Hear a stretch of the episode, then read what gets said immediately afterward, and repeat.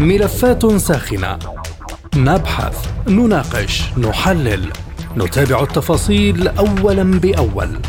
ملفات ساخنة برنامج يلقي الضوء على كل الملفات مع باقة من أبرز المحللين والمسؤولين.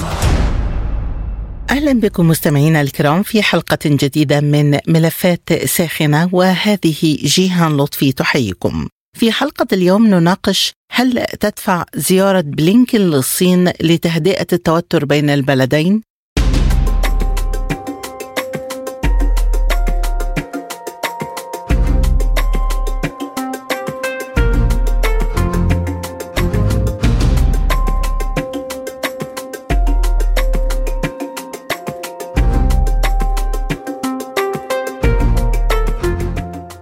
يستعد وزير الخارجية الأمريكي أنتوني بلينكين لزيارة بكين الأحد بهدف فتح اتصالات أفضل من خلال معالجة المفاهيم الخاطئة وتجنب سوء التقدير على حد قوله. وقال بلينكين إن المنافسة الشديدة تتطلب دبلوماسية مستدامة لضمان عدم انحراف المنافسة إلى المواجهة أو الصراع. وحدد المسؤول الأمريكي ثلاثة أهداف رئيسية لزيارته إلى بكين إقامة اتصالات مفتوحة وقوية لإدارة علاقات البلدين بمسؤولية ووضع سجل واضح بشأن المصالح والقيم الأمريكية واستكشاف مجالات التعاون المحتمل بين البلدين. في سياق متصل قال مستشار الأمن القومي الأمريكي جيك سوليفان إن الولايات المتحدة لا تتوقع أي انفراج في العلاقات مع الصين خلال زيارة وزير الخارجية أنتوني بلينكين. جاء ذلك في أعقاب مكالمة هاتفية متوترة مع بلينكين مساء الثلاثاء طلب خلالها نظيره الصيني تشينغانغ من الولايات المتحدة التوقف عن التدخل في شؤون بلاده. فهل تدفع زيارة بلينكين للصين إلى تهدئة التوتر بين البلدين؟ حول هذا الموضوع تدور نقاشاتنا في حلقة اليوم من ملفات ساخنة.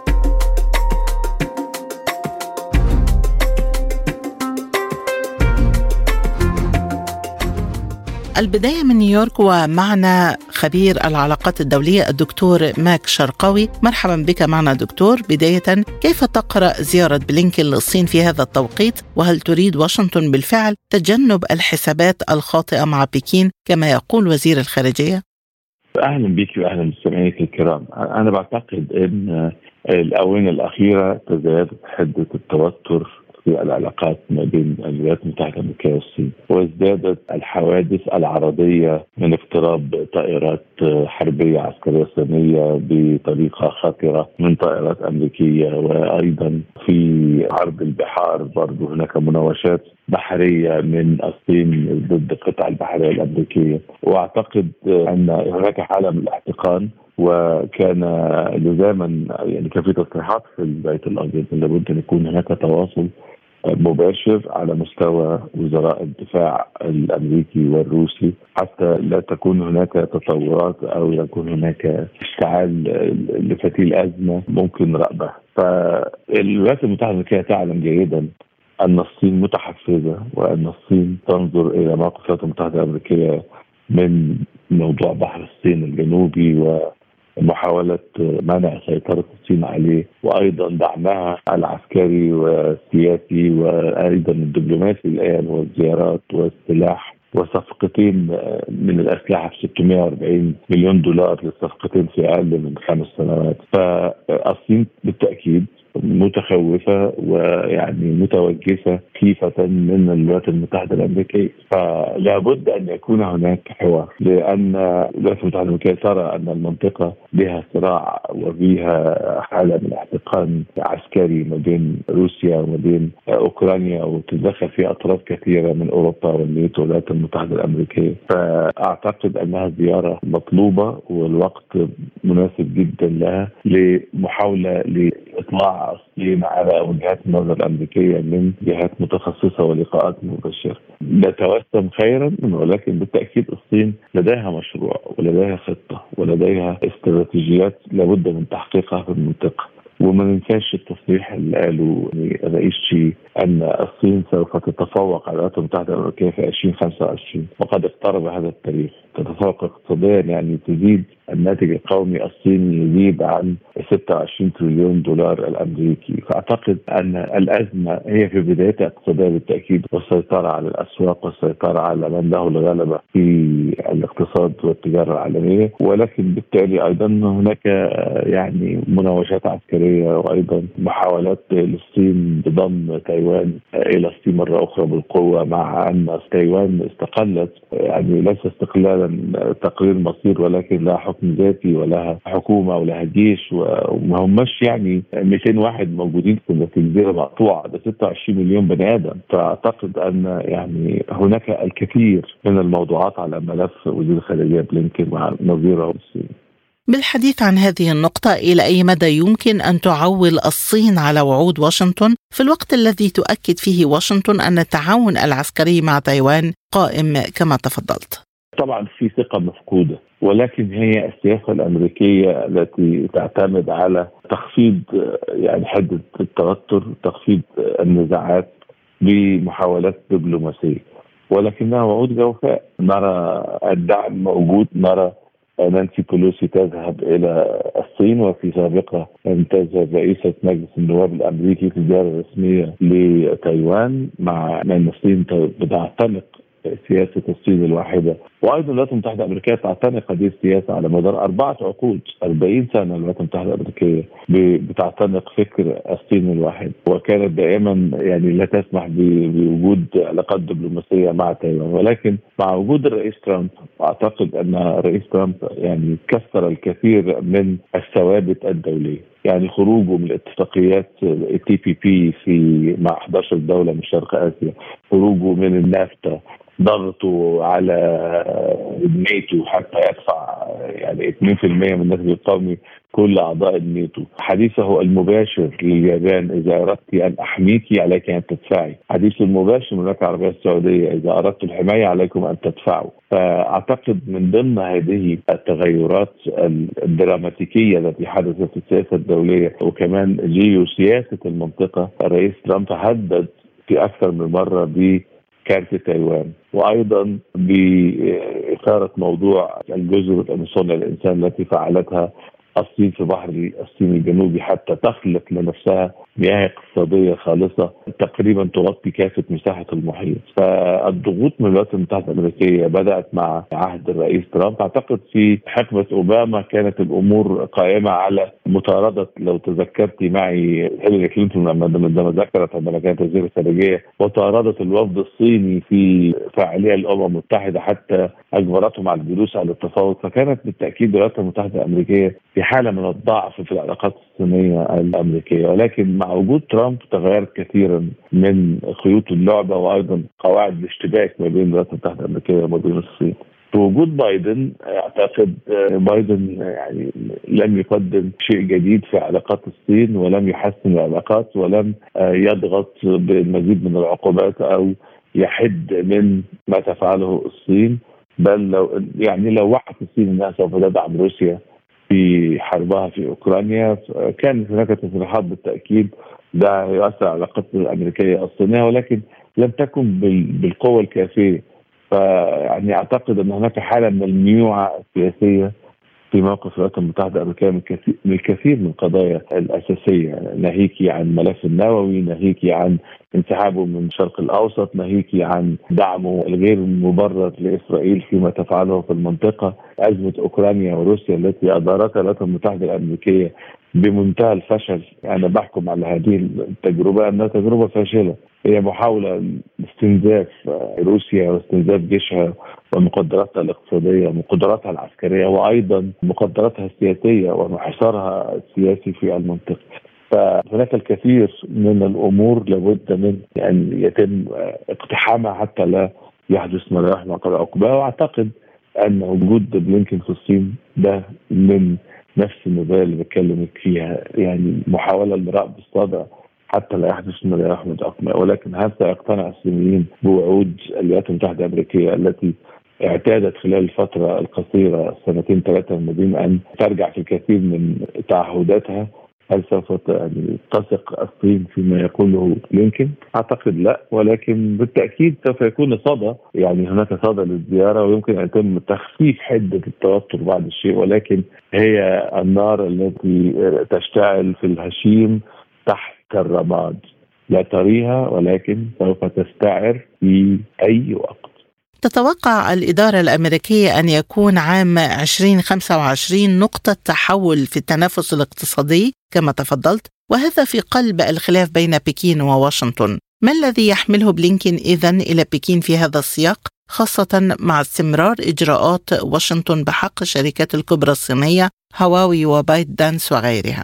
هو بالتأكيد الصين فعلت المحظور. الصين كانت تمتلك 3.7 من عشرة تريليون دولار أوراق خزانة سندات خزانة أمريكية. تخلصت تقريبا من 3 تريليون بقي عندها 700 مليار فقط. ده كان تهديد دايما بتهدد الصين الولايات المتحدة الأمريكية للتأثير على اقتصاد الولايات المتحدة الأمريكية وعلى الدولار وقوة الدولار كعملة احتياطية. ولكن لم يحدث شيء.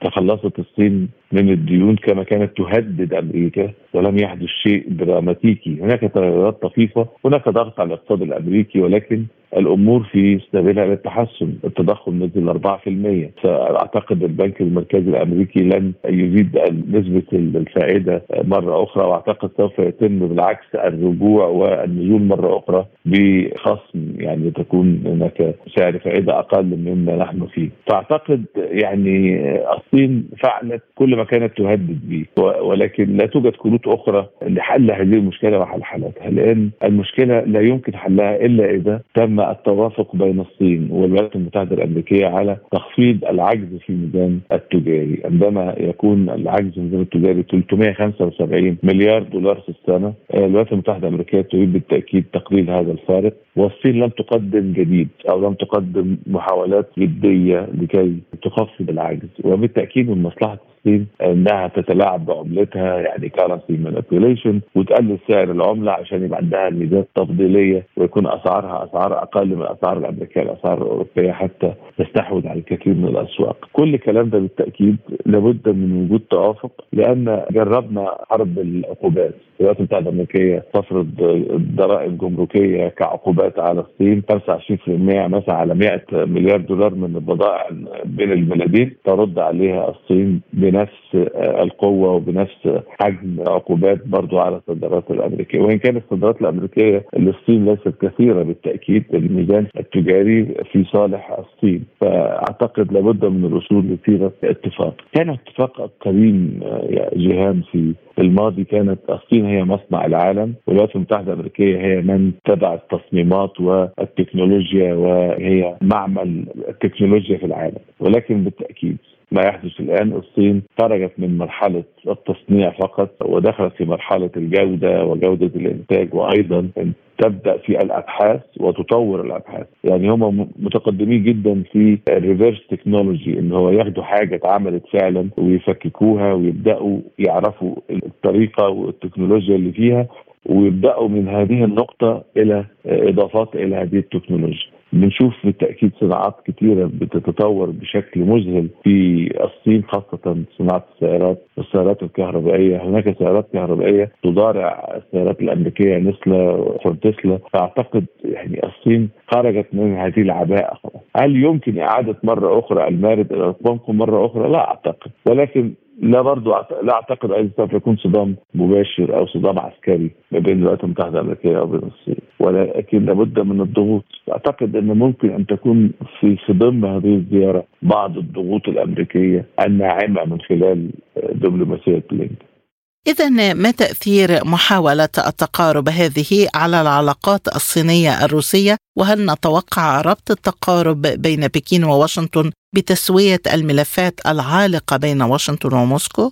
هي مش بس هتقلل هو يعني في تهديد مبطن من الولايات المتحدة الأمريكية إلى الصين ألا تكون الدعم يعني يتخطى الدعم المعنوي والدعم السياسي وفي بعض الأمور التجارية. ولكن إذا ما دخل الدعم في الدعم العسكري المباشر أعتقد سوف يكون هناك حديث آخر في هذا الموقف. ولا أعتقد أن الصين سوف تغامر بان تقحم نفسها في صراع يعني هي في غنى عنه. ولكن أعتقد برضه ممكن يكون في ضغوط على التحالف الذي ينوي الرئيس بوتين في وضعه على الأرض كمعسكر شرقي يعني بالتأكيد أكبر فاعلين في هذا المعسكر هم روسيا والصين.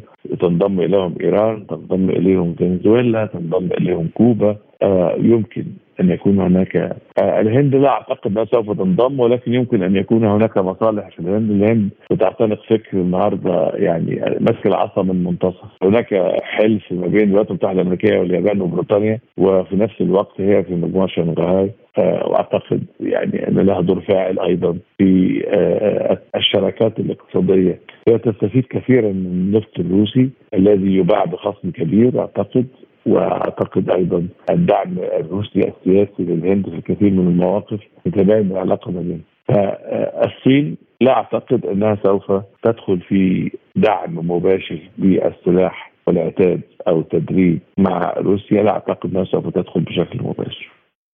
من نيويورك خبير العلاقات الدولية الدكتور ماك شرقاوي كنت معنا شكرا جزيلا لك.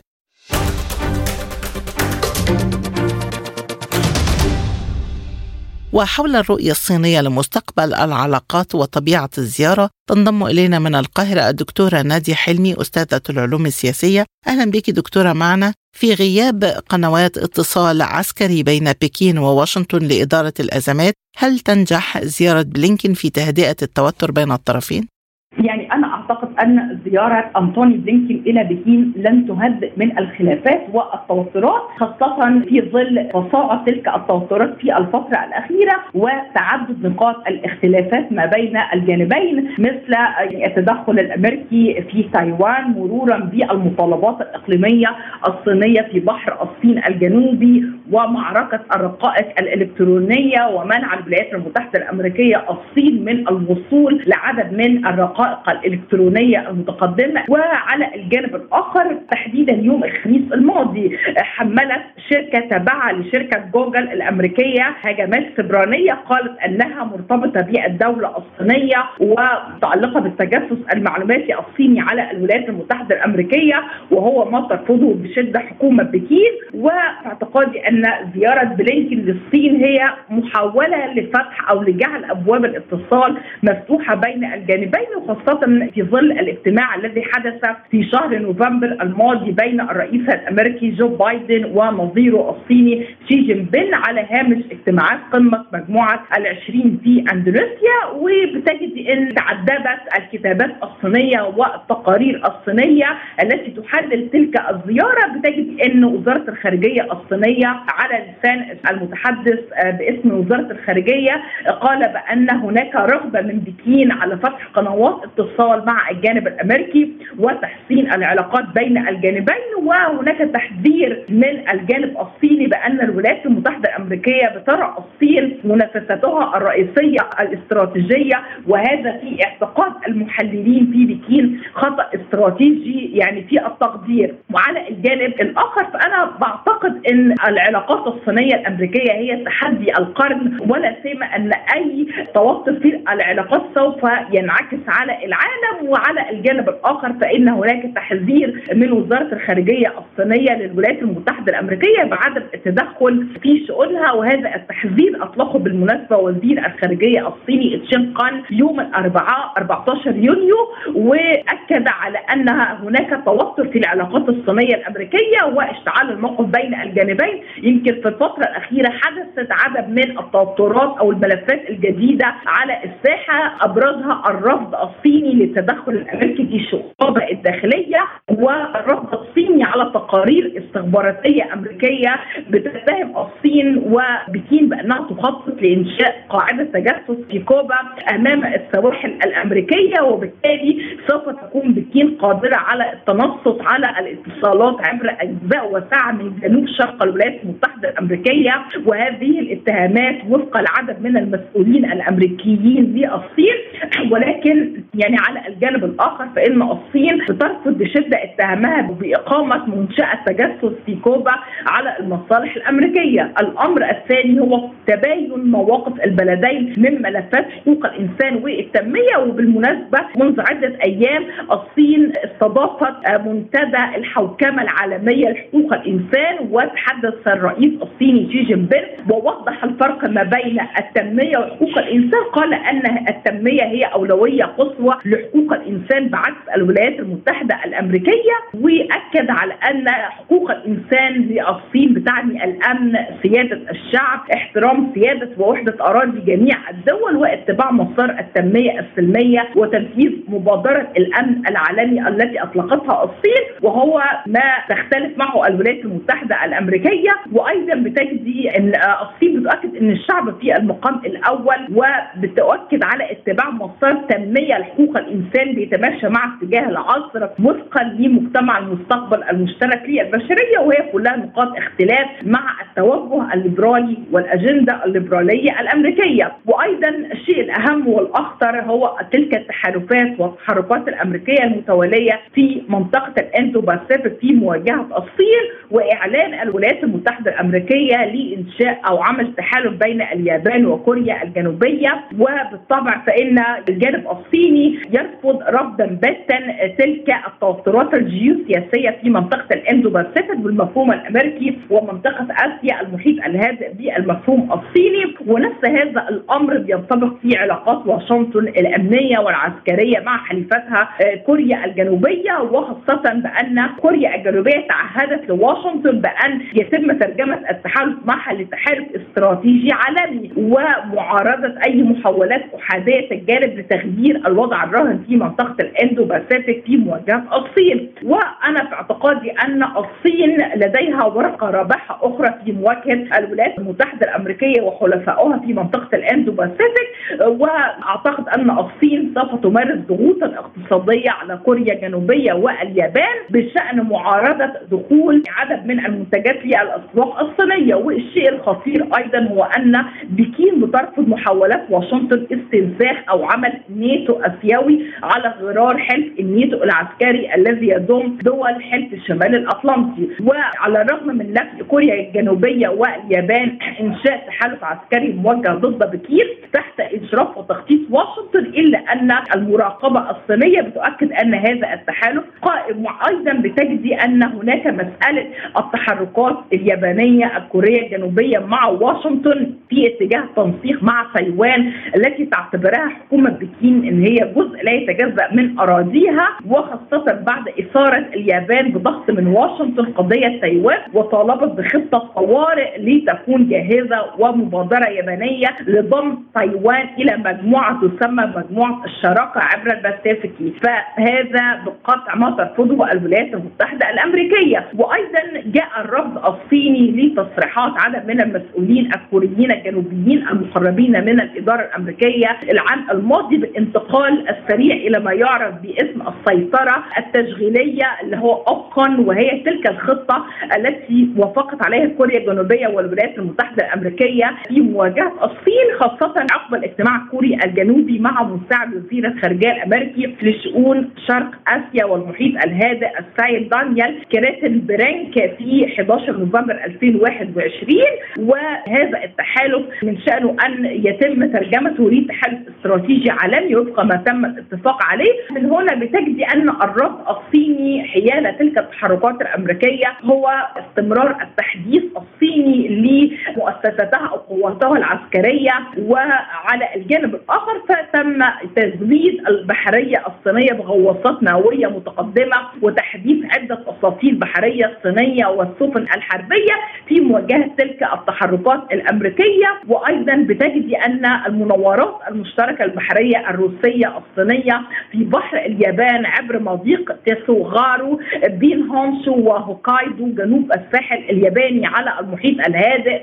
وعبر مضيق اوسومي في الطرف الجنوبي لكيوشو وجزيرة تاني غاشيما المتنازع عليها في بحر الصين الجنوبي. هي كلها تحركات صينية روسية مشتركة لعرقله تلك التحركات الأمريكية. وأيضا بتجدي أن تشجيع واشنطن لطوكيو على مشاركة في نظام الدرع الصاروخي الأمريكي أو المشاركة في تحالف عسكري ثلاثي يضم الولايات المتحدة الأمريكية واليابان وكوريا الجنوبية. هو أمر لا تقبله بكين وأيضا معارضة الصين لزيادة المخصصات الدفاعية والأمنية والعسكرية الجديدة في منطقة الاندو باسيفيك هو أيضا يعد أبرز نقاط الاختلاف ما بين الجانبين الصيني والأمريكي وأيضا الجزر المتنازع عليها ما بين الصين واليابان جزر سينكاكو أو دياويو ووقوف الجانب الأمريكي بجانب اليابان والاقرار باحقيتها في جزر سينكاكو ودياويو هي نقاط الاشتعال بينهم.